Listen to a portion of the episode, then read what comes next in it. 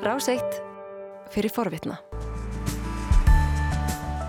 Sæl aftur, þetta er morgunvaktin á Ráseitt, klukkan farin að ganga nýju. Það er 50 dagur í dag, komin 10. november. Bói Ágússon komin í hljóstofu, góðan dag. Góðan daginn Björn. Við ætlum að fjalla um stjórnmál í tveimur löndum, ólíkum löndum, hinnum fjölmennu bandaríkjum og fámennu færiðu. Jú. Komum kannski við í bæði Úkræn og Breitlandi við sjáum Við sjáum til, en byrjum Vestanhás Já, vissulega og þetta fór öllítið öðruvísi heldur en spár og, og vonir sumra allavega gerur á fyrir. Já, það er alveg rétt. Sko, það stundir talaðum varnasýra hins vegar og uh, við heyrðum í frett Ævars Arnar hér í frettónu rétt á undan að uh, Joe Biden talar um að þetta hafi verið góðu dag fyrir líðræðið, sigur líðræðisins. Já, já, það er alveg rétt. En það verður ekkert litið fram hjá þeirri staðrinda þó að endanlega úslit séu ekki komin og sérstaklega ekki í ótungadildinni að republikanar unnu. Þeir fá meiri hluta í fullurvardildinni að öllum líkendum. Það er eiginlega 99% líku á því. Já. Sigurinn er ekki einn stór og hafi verið búist við og spáð og republikanar vonað og ekki síst uh, fyriröndi fórstæðir að Donald Trump. Uh, en republikanar unnu og því má ekki gleyma. Og það á eftir að valda bæten miklum vandraðum á sittni tveimur árum á gjörtímabili hans.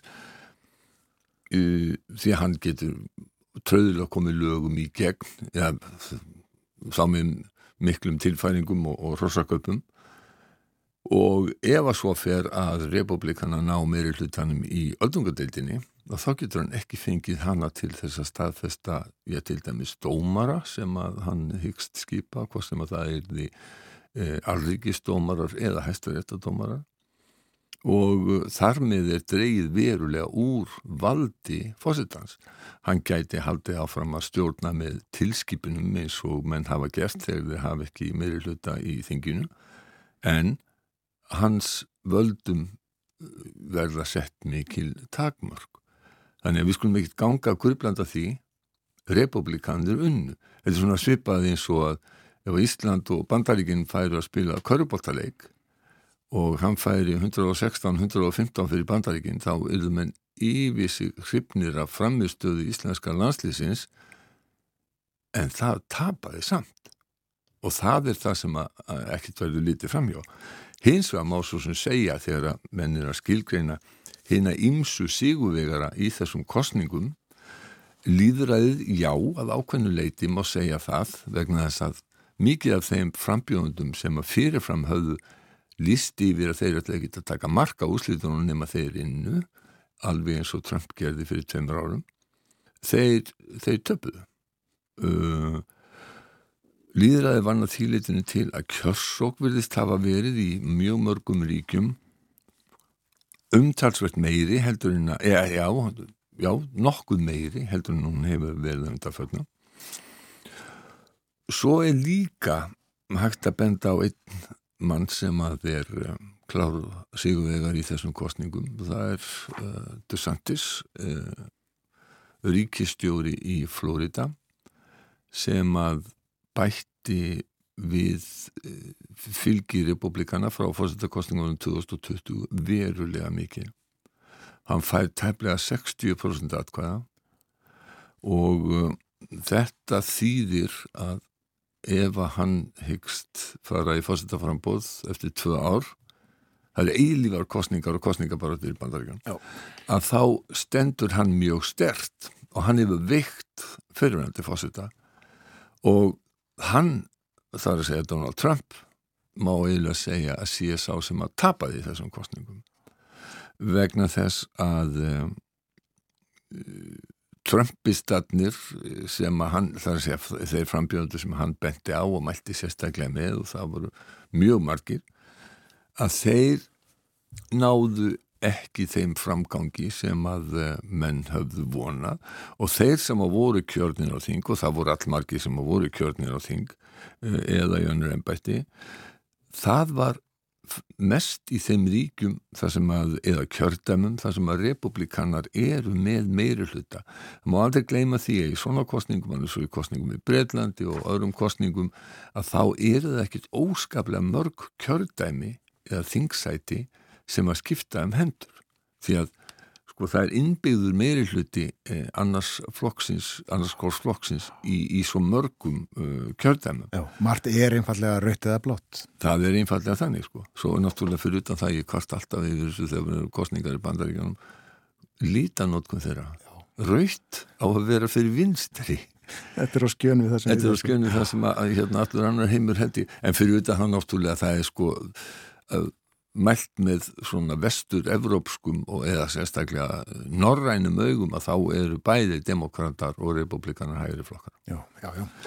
En sé þannig að þarna tapar uh, Donald Trump og Mark Thiessen sem er hægri sinnaður uh, mjög fréttaskýrandi á Fox-sjónastöðinni, hann sagði í gerð sko þetta væri stór slís fyrir republikana vegna þess að þarna sko, það væri mest í samdráttur í kaupmætti í einhver áratýji það væri vestakrísa á landamærunum frá, frá, frá upphafi. Óvinnsælasti fórseti nokkur sinni.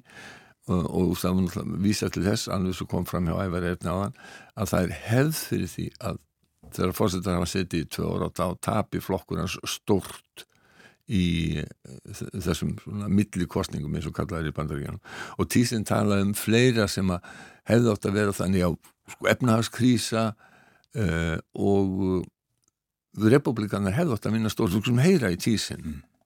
We have the worst inflation in four decades the worst collapse in real wages in 40 years, the worst crime wave since the 1990s, the worst border crisis in U.S. history. We have Joe Biden, who is the least popular president since Harry Truman, since presidential polling happened, and there wasn't a red wave. That is a searing indictment of the Republican Party. The Republican Party needs to do a really deep introspection look in the mirror right now because this is this is an absolute disaster. Absolute disaster, segir hann, sem að gefur okkur aðeins til kynna hverjar væntingar republikana voru. Þeir byggust bara við að, að, hérna, að sópa demokrautum uh, út af þinginu og eintanlega í báðum deildum og það gerist ekki. Þess vegna geta menn talað um varnasífur en aldrei að gleyma því republikanir unn. Mm -hmm. Já, gleymi því ekki, það eru alls konar vandraði í bandaríkjunum og nýkjum á því að bandaríkjafósetti hefur ekki verið jafn óvinnsætl og bætin er núna uh, síðan á dögun trúmas. Ég sko, mm, ég er ekki alveg vissun um þetta þó að, þó að hérna tísin hafi verið að segja þetta því að Donald Trump var ekki sérstaklega misæl eh, á þessum tíma og republikana þau töpuðu mjög stórt í þessu svona samsvarandi þingkostningum 2018 hefur það verið. Eh, En sko þeir eru engi vínir. Ron DeSantis, ríkistjóri í Florida, sem var vann þinn að stóra sigur, og Donald Trump. Og Trump hefur sko verið með yfirlýsingar um það að uh, hann skuli sko ekkit vera að uh, íhuga neitt frambóð því að þá ætli Trump að láta uh, almenning vita af ímsu sem að ég vil ekki eigin kona DeSantis viti um hann. Já. þannig þetta er eiginlega þetta er náttúrulega bara bein hótun og mjög í anda þess sem að hefur verið hafa verið einkenni Donald Trump sem stjórnmálamanns. Hann hefur líka talað um uh, kallaðan ekki uh, Ron DeSantis heldur Ron DeSantimonius sem er uh, því skínhelgur eða hræstnisfullur eitthvað, eitthvað annars lít það er greinlegt að hann, hann, hérna, hann, hann óttast hann uh, verulega. Uh, og en Trump hins vegar hann sagði það fyrir kostningarnar um þá sem að hann bless, sem að hann blessaði. Ef að þið vinna þá er þið mér að þakka. Ef þið tapa þá er ekki mér að kenna. Skulum heyra það að segja þessi orð Well, I think if they win, I should get all the credit, and if they lose, I should not be blamed at all, okay? Já, þetta er nokkuð nokkuð típisku Donald Trump Já. sko, eitt af því sem að kannski rétt að taka fram líka í þessu sambandi er það að það var kosin mjög marga hluti eitt af því sem að var að, í að minnstakosti fimm ríkum var uh, tengt þungunarofi í kjölfar þessa hæstarétta dóms sem að afnam þungunarof á, á alríkisgrundvelli. Nú er þetta einstöku ríki sem að, sem að ráða þessu og til dæmis í Kentucky sem er mjög íhaldsamt ríki. Þar var lögð fram til um að þungunarof vilði aldrei lift og þetta átti að fara inn í stjórnarskráður ríkisins. Þetta var felt og í mjög íhjaldsum ríki og víðast hvar annar staðar var þetta felt ástæðan fyrir mikilvæg kjörsókn er að mörguleiti þungunarof vegna þess að þetta er uh, uh, þetta er eitt af fjórum kostningamálum sem að samkvæmt útgöngusbám skipti kjósendum mestu máli. Þegar var í hitt voru efnahagsmál og verðbólgansessat líðræði staðan, ógn við líðræði sem að margir höfðu talið þessar kostningar gett orðið og, og, og, og glæpir. En Þungunaros umræðan skipti sérstaklega miklu máli hjá fólki sem var í yngsta aldursópnu sem er mældur, sem er 18 til 29 ára og, og einnig meðal minni hlutahópa. Þetta var til þess, þar að segja dómurinn frá því í sumar, var til þess, og öll Þungunaros umræðan, að kjörsókn fólks í þessum hópum var miklu meiri heldur en að gert hafði ráð fyrir og það þýðir að þess vegna stóðu demokrata sig betur heldur en að heldur en að gert hafi verið ráð fyrir. Svo voru skemmtileg eh, týst frá einhverjum aðstofamönnum eh, Trumps eh, sem að voru að lýsa viðbröðum hans við úslitunum hans að hafa sagt að hann væri æva reyður öskrandi á alla mm. og já já, þannig að það er það er ímislegt sem að þarna hefur verið að, að, að gerast sko e, já, Trump hann sérst, mælti með 174 af, 100, af 430 frambjöðundum e, til e, þingsins og þeir bættu við sig 1,3% frá kostningunum 2020 aðrir frambjöðundur republikana bættu við sig 6,9% frá kostningum 2020. Það virðist sem sagt vera að eh, það að Trump mælti með hafi fælt marga kjósendur frá því að kjósa þessa frambjóðendur.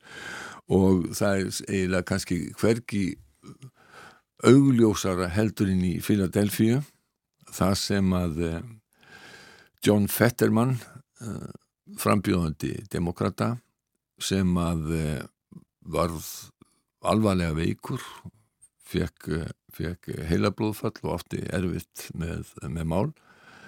Vann Mehmet Oss sem var sérlegur frambjóðandi uh, Donald Trumps.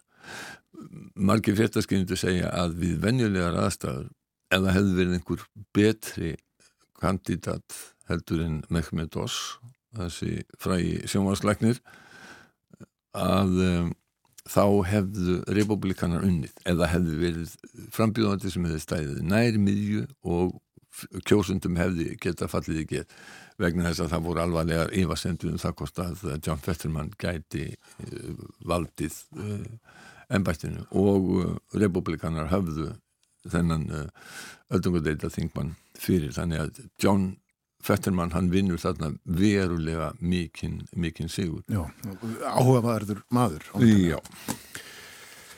Þetta var um bandareikin, eða fara þá til fari að það er alltaf að vera mendanum í stjórnbólunum þar? Já, það er í rauninni búið að vera í meirinn ár uh, miklar deilur, sko það var kosið 2019 og uh, þegar að þær kostningar eh, fóru fram að þá, þá hérna, það var í september 2019 þannig að kjörtímabilið rennur ekki út fyrir uh, að ári. Um, en eftir þær kostningar að þá komust letu að sambandsflokksins, miðflokksins og fólkaflokksins uh, að samkominlega stjórnar myndun og þetta er, þetta er hægri stjórn og Jénis af Rana varð mentamála og, og utanrikis ráþæra sko. Miðflokkurinn í færium er ekki sambarilegur við miðflokkin í Nóri til að með Senter eða Senterpartiet í Svíþjóð.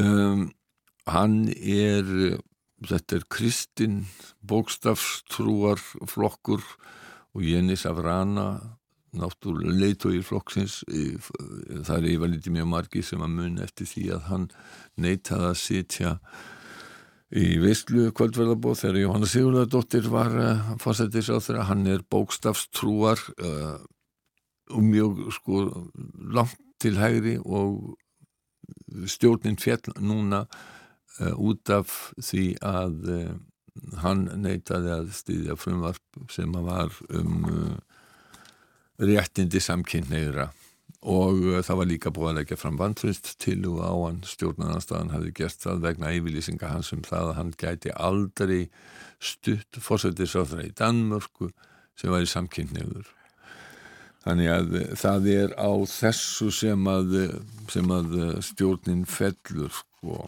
Já, Bárður Ásteg Nílsen, lögmaður í gildi fósættisráðurars, hann setti nefn í borðið bara. Já, hann gerði það og tókst ekki að mynda aðra stjórn þannig að hann sá átti ekki annað kostættunum búið til kostninga 8. desember Já. og það verður gaman að fylgjast með því hvernig hvernig eh, stjórnverðu myndið í færium. Eitt af því fyrsta sem svo stjórn þarf að takast á við er hvort að eiga semja nýju við rúsa um fiskviðar. Það eru margir áratögi síðan að rússar og færingar gerðu samkómulega um það að færingar mættu veiða í Barentsafi í 20.000 tónar þoski og rússar mættu veiða heilmikið af, af loðnu, síld og kolmuna sem þeir kalla svartkjaft í færiskri lögsu og að rússar mættu umskipa afla sínum í færiskum höfnum. Þetta eh, hefur verið gríðarlega umdælt og færinga greitt mikið á undanfjöldum árum. Þeir ekki sem sagt tekið þátt í alþjóðlugum etnaðarstingunum? Nákvæmlega og það er það sem er mjög umdelt og uh, Sjúrður Skalin í kjörin uh, þingmaður uh, jafnaðarmanna á danska þingið hann segir að það sé mjög mikilvægt að færinga standi með vestrænum ríkjum í aðgerðum gegn rúsum. Jeg mener, det er vigtigt, at Færøerne står sammen med Vesten og følger Vestens linje over for Rusland. Øh, at vi er, altså viser os som og er en, en integreret del af, af Vesten og tager samme ansvar, som Vesten tager. Han vil að færingar taki sömu ábyrð og önnur vestræn ríki. Sko, það eru deilur um það hvort að þetta hafi jafn mikil áhrif á færiskan efnahag ef að þeir segðu upp þessum samningi og menn hafa vilja vera að láta hinga til. Það er klart að eh, þetta hefði verilega áhrif á þau fyrirtæki sem að standa í þessum viðskiptum og þar myndi fólk missa vinnu en það er hins vegar sko var viðtal við, eh, við færiskan bladamann Roland Vagdam sem að hérna sagði, það var í danska ríkisútvarpinu sem sagði að auðvitað myndu þau fyrirtæki sem standi þessum viðskiptum tapa miklu en það væri alls ekki tægt að ganga út frá því að uh, þetta hefði mikil áhrif á, á færiska nefnahag almennt. Hann, hann benti á að, að, að útflutningur til Rúslands hefði dreigist saman niður ekki neitt í ár en samt hefði fiskútflutningur færinga aukist um 30% og þetta er það að hafa í huga þannig að það væri ekkert vist að þetta er neitt róttök fyrir færiska nefnahag þannig að það vex þeirri skoðun fylgi í færium að þeirri ekki að endur nýja þennan samning. En við ætlum aðeins að minnast á tvent annað. Já. Það er annars vegar Gavin Williamson sem að uh, þurfti að segja af sér fraklaðist frá hálfu mánuð eftir að hann var skipaður í, í Bresku ríkistjórnina og, og þetta var bara fyrir einelti og ofbeldi. Uh, Þetta er í þriðja skipti sem Gavin Williamson rökklast frá uh, úr Bresku ríkistjórninni og það er í, í rauninni furðulegt að Rissi Súna kvortættisáþröðu skuli hafa valið hann í ríkistjórninu vegna þess að það er almennt mál manna hans að Gavin Williamson sé alveg gessamlega vonlust stjórnmálamæður og, og, og ráþæra. Og Súnak saði að þetta höfður verið mistokk. Hann saði það, já. Og hitt málið örstuðt í lokin er staðan í Úkræninu það sem að rúsar hafa líst yfir því að þeir ætla að hörfa frá Hersson ef þeir gera það þá er þetta gríðarlega mikið e, áfall fyrir þá og sínir að, að hernaðastæða þeirra er bísnastlæm Putin ætlar ekki að fara á fund ASEAN sem er ríki í Suðaustur Asíu sem hefst í Kambodí í dag. Hann ætlar heldur ekki að fara á G20 fundin sem hefst á Bali eftir helgi það verður Sergei Lavrov sem að stendur þar fyrir svörum eh, með öðrum leiðtóum þegar þeir setjast uh, að fundaborðinu á, á, á Hittabeltis í Bali. Takk að þið fyrir dagbói. Takk sem er þess. Þú varst að hlusta á hlaðvarpsþátt frá Rás 1. Ef þið langar til að heyra meira, farðu þá á rúf.is skástrygg hlaðvarp eða spilaran á rúf.is skástrygg útvarp. Rás 1 fyrir forvitna. Música